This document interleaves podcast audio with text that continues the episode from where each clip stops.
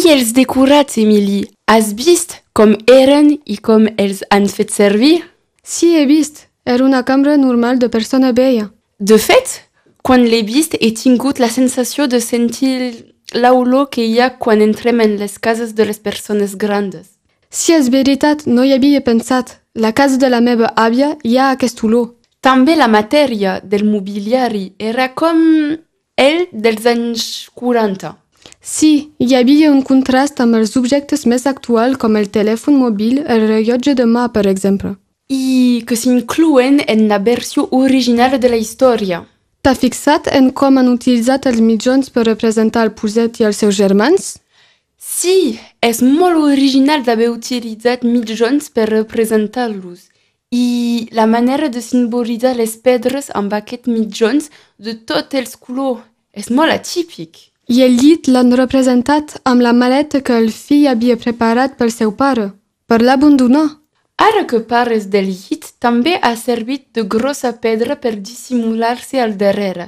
I és que el llit, finalment, és un element clau de la peça, ja que tot passa al voltant d'aquest llit. El fill es passa tota la peça intentant posar el seu pare a dormir.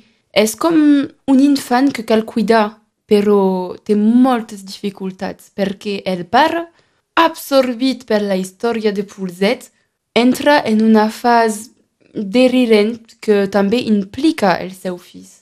I és que el seu fill acaba jugant el joc per calmar el seu pare, per aprendre d'aquesta història carregada de missatges, i és aquí que veiem que Pulset no és tan sols destinat a un públic infantil.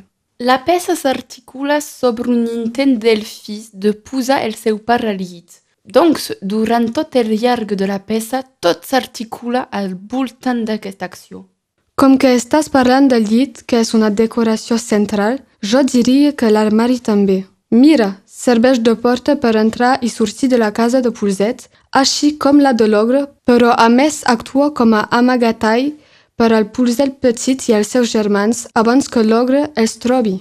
El que és interessant en la representació del bosc. D'una banda, amb el tapís de fons, que dona una impressió de profunditat i estirament del bosc, llavors el marc enganxat a la parera, potser alguns no li van prestar atenció, però també va jugar un paper en la representació del bosc. I trobo que aquest marc col·locat en aquest lloc accentua aquesta sensació de profunditat. Parlant del bosc, has vist com han utilitzat la llum per s'orientar en el bosc quan contava la història? Però també l'han usat pel foc quan l'ogre tenia fred. Crec que era una bona manera de l'utilitzar.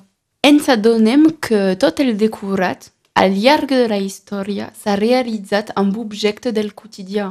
I, com diu l'expressió, amb les coses més simples es poden fer grans coses.